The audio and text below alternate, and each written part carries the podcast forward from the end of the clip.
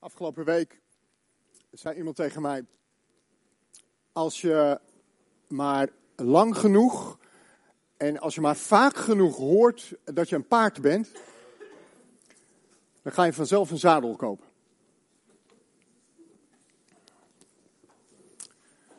Ja, misschien klopt dat wel.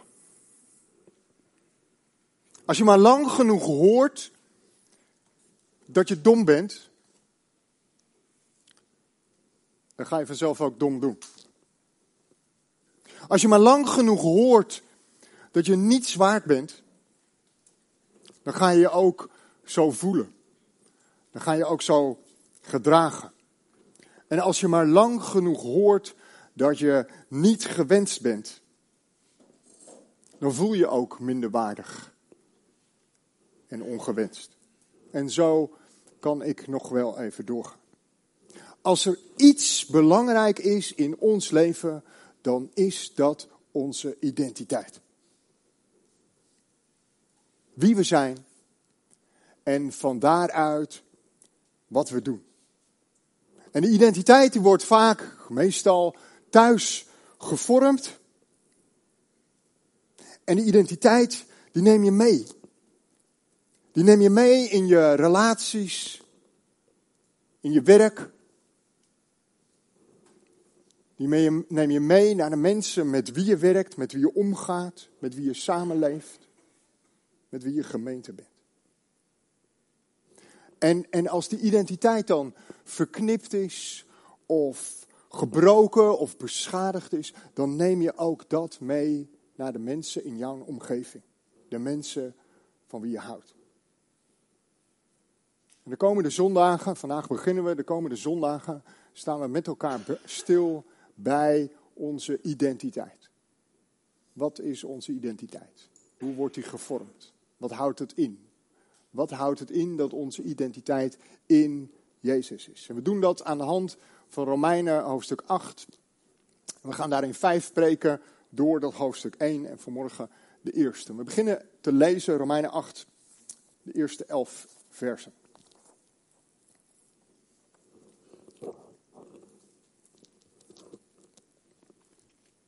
Romeinen 8 vanaf vers 1. En Paulus schrijft daar het volgende. Dus wie in Christus Jezus zijn, worden niet meer veroordeeld. De wet van de geest die in Christus Jezus leven brengt, heeft u immers bevrijd van de wet van de zonde en de dood. Want waartoe de wet niet in staat was, machteloos zoals hij was door onze aardse natuur, dat heeft God tot stand gebracht. Vanwege de zonde heeft hij zijn eigen zoon als mens in dit zondige bestaan gestuurd. Zo heeft hij in dit bestaan met de zonde afgerekend. Opdat alles wat de wet eist in ons tot vervulling wordt gebracht. Wij leven immers niet volgens aardse maatstaven, maar volgens die van de geest. Wie beheerst wordt door het aardse, streeft aardse zaken na. Maar wie beheerst wordt door de geest, streeft na wat de geest wil. Het aardse streven leidt tot de dood, maar het streven waartoe de geest aanzet leidt tot leven en vrede. Het aardse streven staat vijandig tegenover God, want het onderwerpt zich niet aan zijn wet en is daar ook niet toe in staat. Wie beheerst wordt door het aardse, kan God niet behagen. U daarentegen wordt beheerst door de geest, want de geest van God woont in u. Iemand die de geest van Christus niet heeft, behoort Christus ook niet toe. Als Christus echter in u leeft, is uw lichaam weliswaar door de zonde ten dode opgeschreven, maar de geest schenkt u leven, omdat u door God rechtvaardig bent verklaard. Want als de geest van hem die Jezus uit de dood heeft opgewekt in u woont, zal hij die Christus heeft opgewekt ook uw sterfelijk lichaam levend maken door zijn geest die in u woont. Romeinen 8 staat niet op zichzelf, vanzelfsprekend. Romeinen 7 gaat daaraan vooraf. En in Romeinen 7, zeker het tweede deel van het hoofdstuk, lees je over Paulus' persoonlijke worsteling. En Paulus die schrijft daar en doet er uit de doeken dat datgene wat hij heel graag wil, Dat het dat hem niet lukt en dat hij juist doet wat hij niet wil. En zo zit hij in tweestrijd en sluit hij Romeinen af met die, ik denk, bekende woorden, zeker uit de oude vertaling, als een soort van, van noodkreet, hartekreet. Ik, ellendig mens. Wie zal mij redden? En direct daarachteraan, God zij dank. God zij dank, God die ons redt in Christus Jezus. En om dan vervolgens direct door te gaan in hoofdstuk 8 en zijn eerste punt te maken. En hij zegt, in Jezus is er geen veroordeling meer. In Jezus is er geen veroordeling meer. En er zitten twee kanten aan. De daar en straks kant en de hier en nu kant. Het daar en straks is er geen veroordeling meer voor ons als je in Jezus bent. Daar en straks op de dag van het oordeel, op dat moment dat Jezus terugkeert, op dat moment dat alles anders wordt, dat alles nieuw wordt en dat mensen voor God mogen verschijnen en God zijn laatste oordeel uitspreekt, op dat moment, daar en straks, is er geen veroordeling meer voor diegenen die in Jezus zijn, die in Jezus geloven. Dus op dat moment, daar en straks, ziet God niet jou en mij, maar ziet Hij Jezus. Wauw. Dat is straks. Daar en straks. Maar ook hier en nu is er geen veroordeling meer voor diegenen die in Jezus zijn. Dat betekent ook hier en nu dat je niet dom of minderwaardig of ongewenst bent. Omdat je in Jezus bent. Die wet die leidt tot veroordeling, die wet van zonde en dood, zoals Paulus dat beschrijft in dit gedeelte, die wet heeft Jezus vervuld. Die wet, daar heeft Jezus mee afgerekend. Dat is Goede Vrijdag en Pasen. Weet je nog? Het is nog maar twee weken geleden. Dat is het wonder van het kruis. Dat is het wonder van het lege graf. Dat er geen oordeel meer is, maar vrijheid. Ruimte om te leven, omdat we bevrijd zijn van die wet van zonde en dood. En die ruimte, die vrijheid om te leven, die vult Paulus in met de Heilige Geest. Als je kijkt in dit gedeelte, deze eerste elf versen, maar eigenlijk in alle versen van Romeinen hoofdstuk 8. En je zou met een kleurtje, zoals ik dat doe, je zou met een kleurtje het woord geest onderstrepen of omcirkelen, dan zie je dat dat de rode draad is in dit gedeelte. Paulus vult die ruimte, die vrijheid om te leven, vult hij in met de Heilige Geest. Leven door de Geest. Ons leven houdt namelijk niet op bij Goede Vrijdag en Pasen. Daar begint het pas. Eigenlijk precies zoals we dat elke doopdienst weer opnieuw horen en voor onze ogen zien gebeuren. op het moment dat de dopeling onder water gaat, wordt dat oude leven wordt afgelegd. Dat is het symbool van het begraven, van het afleggen van het oude leven Goede Vrijdag. En op het moment dat je uit het water omhoog gehaald wordt, dan is daar dat het symbool, het moment van het nieuwe leven. Je bent met Jezus opgewekt. Pasen. En dan is het niet zo dat er uit het dooppad die schommelstoel klaar staat, dat je daar kan gaan zitten en dat je gewoon gaan lekker rustig kan gaan schommelen tot het daar en straks aanbreekt. Nee, Je krijgt als het ware uit het doopbad, naast die handdoek, ook sportkleding en hardloopschoenen en dan begint het leven pas. Dan begint het leven pas. Dan begint het leven vervuld met de Heilige Geest en het leven door de Heilige Geest. En dan mag je in ruimte en in vrijheid en zonder veroordeling verder leven.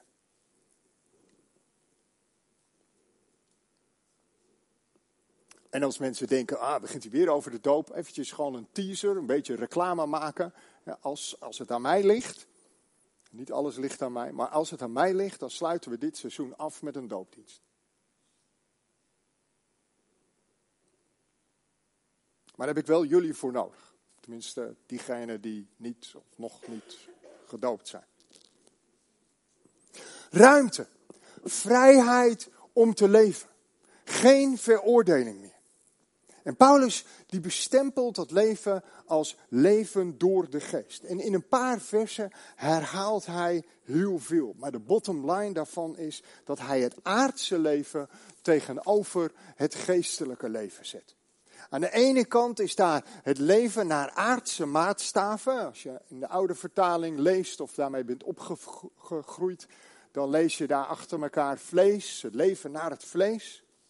En dat aardse leven, het leven volgens aardse maatstaven, dat leidt tot de dood. En dat is niet wat God wil.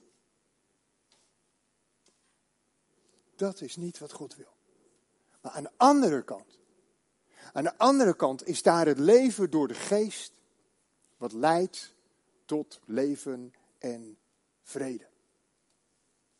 En de vertaling die ik net las, gebruikt het woord beheersen. Beheersen. En dat woord geeft de diepte en geeft de allesomvattende werking aan van wat het betekent. Van ofwel leven naar aardse maatstaven, ofwel leven door de geest. Ofwel jezelf laten beheersen door alle aardse zaken, ofwel jezelf laten beheersen door de geest. En leven door de geest heeft te maken met een bepaalde status. En het gaat ook over de praktijk van alle dag. Eerst eens naar die status. Even een testje. Wie van jullie kijkt wel eens Netflix? Ah, dit is toch best wel aardig wat. En wie van degenen die wel eens Netflix kijken, kent de serie Travelers? Oh, nu moet ik echt heel veel gaan uitleggen. Echt niemand. Oké, dus ik ben de vreemde eten in de bijt hier. Patricia en ik zitten daar nu middenin. Het, het is interessant. En, je moet ervan houden, natuurlijk. Maar dat geldt voor elke serie of film. Je moet ervan houden. Je houdt ervan of je houdt er niet van.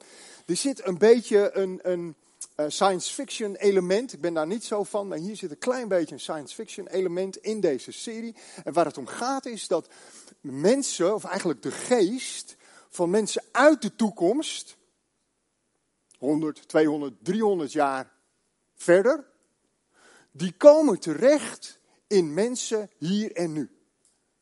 Mensen die op het punt staan om te overlijden, die ontvangen dan de geest van iemand uit de toekomst en dan blijven ze toch leven. Met alle gevolgen van die natuurlijk. Want het lichaam is dan wel hetzelfde, maar opeens zit er een andere geest in. Dus vanuit de toekomst wordt er eigenlijk iets ingeplant in het heden. Nou, wij vinden het leuk. ja, smaken verschillen, ja toch?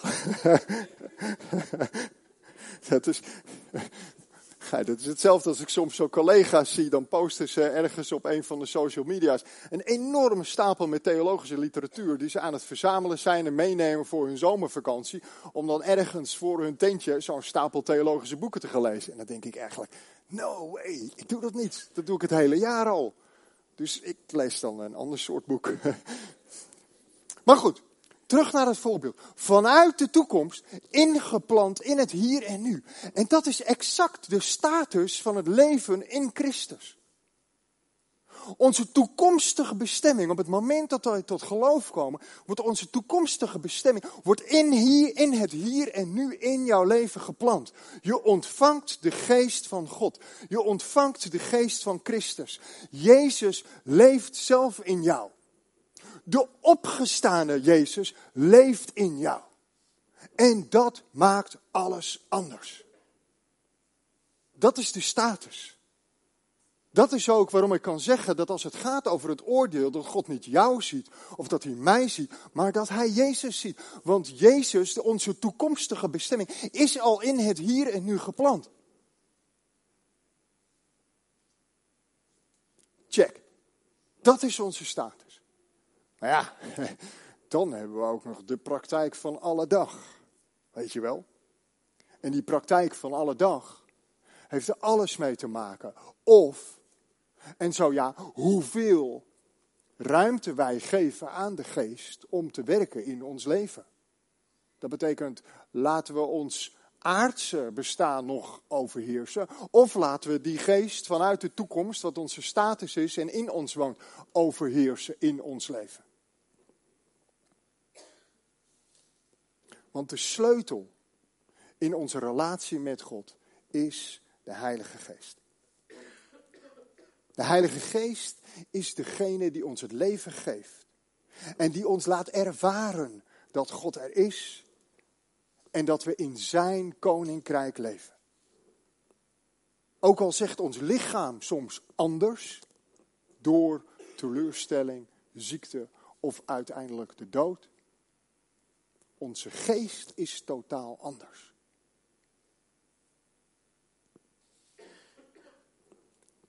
Ook als de omstandigheden anders zijn. Als de omstandigheden aards of zondig of dood zijn. Vanuit Gods toekomst hebben wij een nieuwe identiteit ontvangen.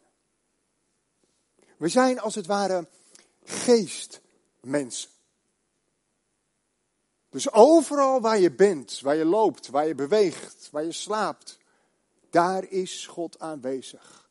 Daar is zijn geest aanwezig. Door jou. We zijn mensen van de geest. We zijn mensen van Gods presence, van Gods aanwezigheid. En vanuit die toekomst hebben we die nieuwe identiteit ontvangen.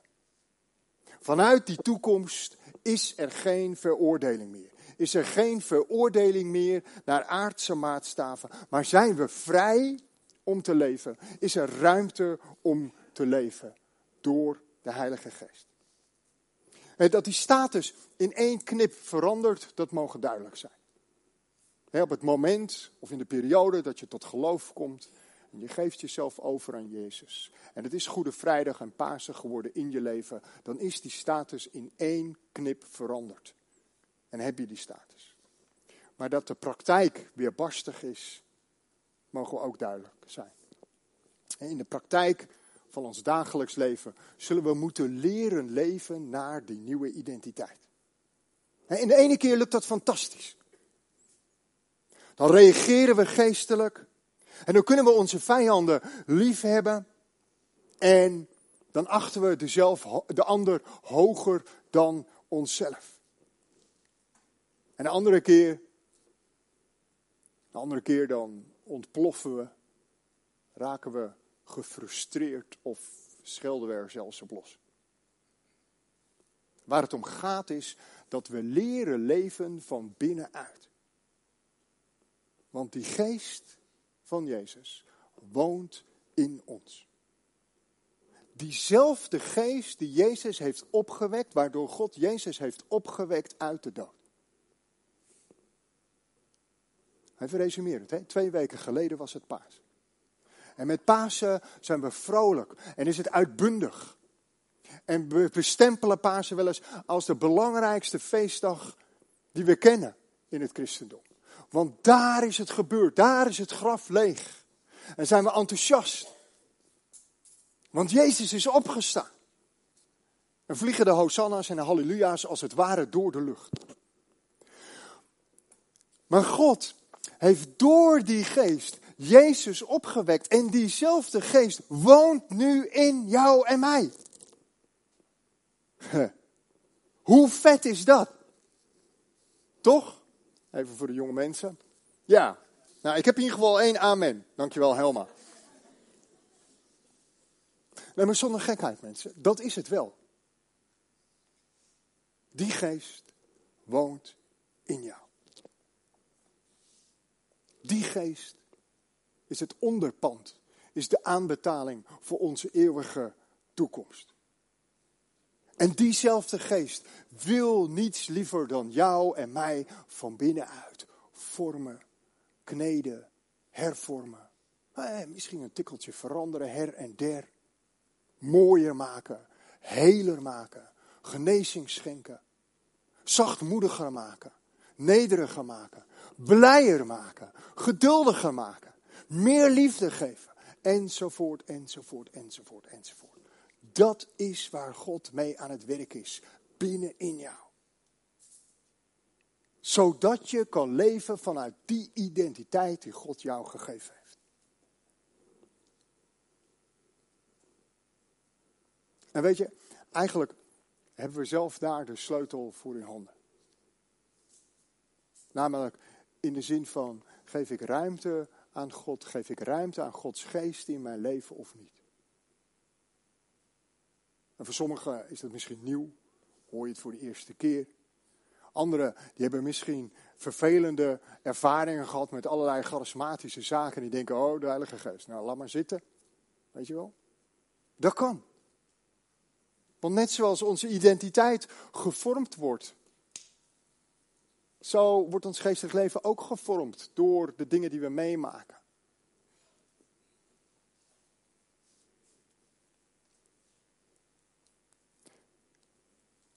Als die geest in jou woont. En je verlangt ernaar om in die ruimte en om in die vrijheid te leven. En je verlangt ernaar dat je identiteit meer en meer en meer gevormd en gekneed mag worden door de geest van God. Weet je, ga dan straks niet zomaar klakkeloos aan de koffie of aan de thee. Er zijn mensen hier om door te praten. Er zijn mensen om samen te bidden. En dit is gewoon goed. Het is gewoon goed om meer van Gods geest te ontvangen. En als je God kent, dan weet je dat God nooit tegen jouw wil in zou gaan. Of dingen zou doen waar je ontzettend bang voor bent of wat dan ook. Ja, God kan je wel verrassen. Ja, hij kan je ook overrompelen. Ja, hij kan ook wel de vinger op de zere plek leggen. Dat je denkt, oh, auw, dat, dat, oh, nou, ik weet niet of ik dat wil. Nog maar even niet hier. Maar uiteindelijk, weet je wat er gebeurt als God zijn vinger op de zere plek legt? Ja, natuurlijk weten we wat er dan gebeurt. Toch? Op het moment dat Jezus zijn vinger op de zere plek legt, dan komt daar genezing. Dat is wat de Heilige Geest doet in ons leven.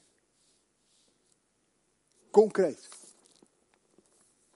Concreet kan dus iemand vaak genoeg en lang genoeg tegen je zeggen dat je een paard bent. Of dom. Of minderwaardig. Of ongewenst. En weet je, God gaat daar met gestrekt been tegenin. Want het leven na Pasen is een leven wat beheerst wordt door de Heilige Geest. Is een leven waarin er geen ruimte meer is voor aardse zaken of voor wat mensen van je vinden. Nee, het leven na Pasen is een leven geleid onder leiding van de Geest van God. Die Geest die leven geeft en vrede. Die Geest die jou en mij in Jezus een nieuwe identiteit geeft. Laten we bidden met elkaar.